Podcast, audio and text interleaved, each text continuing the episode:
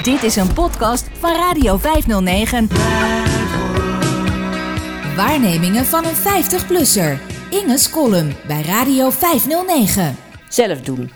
Het valt me de laatste jaren steeds vaker op dat je als burger, klant of patiënt veel zelf moet doen. Op Schiphol is zelf inchecken en een vliegtuigstoel uitkiezen heel normaal.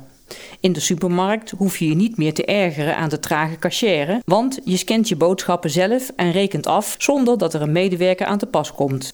Ik ga ervan uit dat je hier binnenkort, net als in Japan, een ontbijt of andere eenvoudige maaltijd aan een terminal bestelt en betaalt.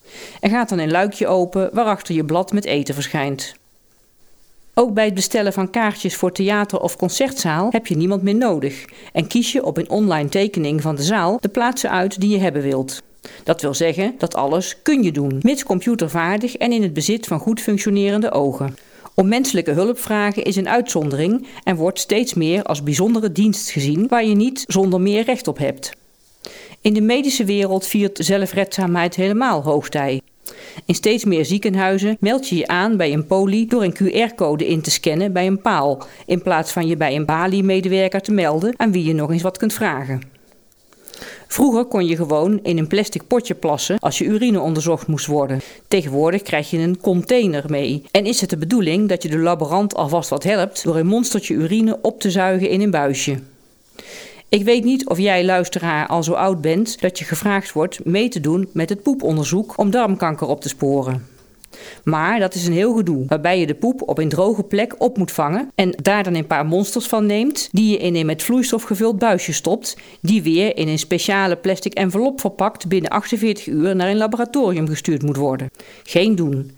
En zoiets vraag je niet aan je hulp of je buurvrouw, dus laat maar zitten.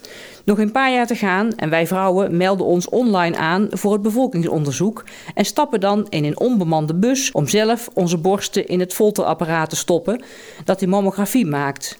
Ik stel me zo voor dat je dan in een paar illustrerende filmpjes zelf kunt zien welke onmenselijke houdingen je moet aannemen voor de beste beelden.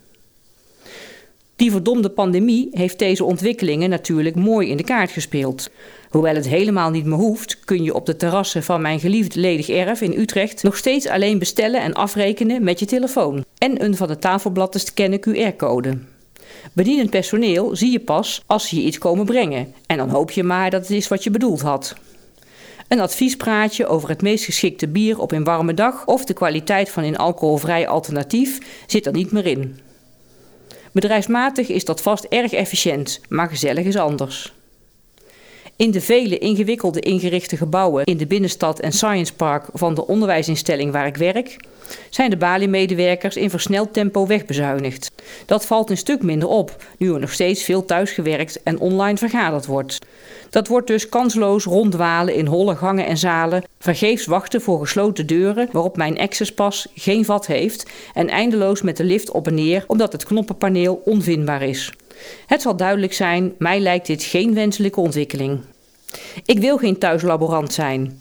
Ik wil niet efficiënt en snel. Ik wil advies en hulp van een medemens die iets kan wat ik niet wil kunnen. Die verstand van zaken heeft, die de weg kent in grote gebouwen en met wie ik een praatje kan maken over het weer, de kwaliteit van de koffie, de drukte op straat of desnoods over mijn hond. Lijkt me ook veel leuker voor die mensen zelf. Wat voor lol is er nog aan het werk achter de balie van een polykliniek of op een caféterras als je de hele dag efficiënt en eentonig met dezelfde handelingen bezig moet zijn? De onverwachte vraag, opvallende persoon, gekke gebeurtenis lijken me ook voor deze mensen de belangrijkste motivatie voor hun werk. Afwisseling en werkplezier gaan toch nog altijd boven efficiëntie en tempo. Misschien goed als de vakbonden hierover eens contact zoeken met de consumenten- en patiëntenorganisaties. Ik signaleer een gemeenschappelijk belang.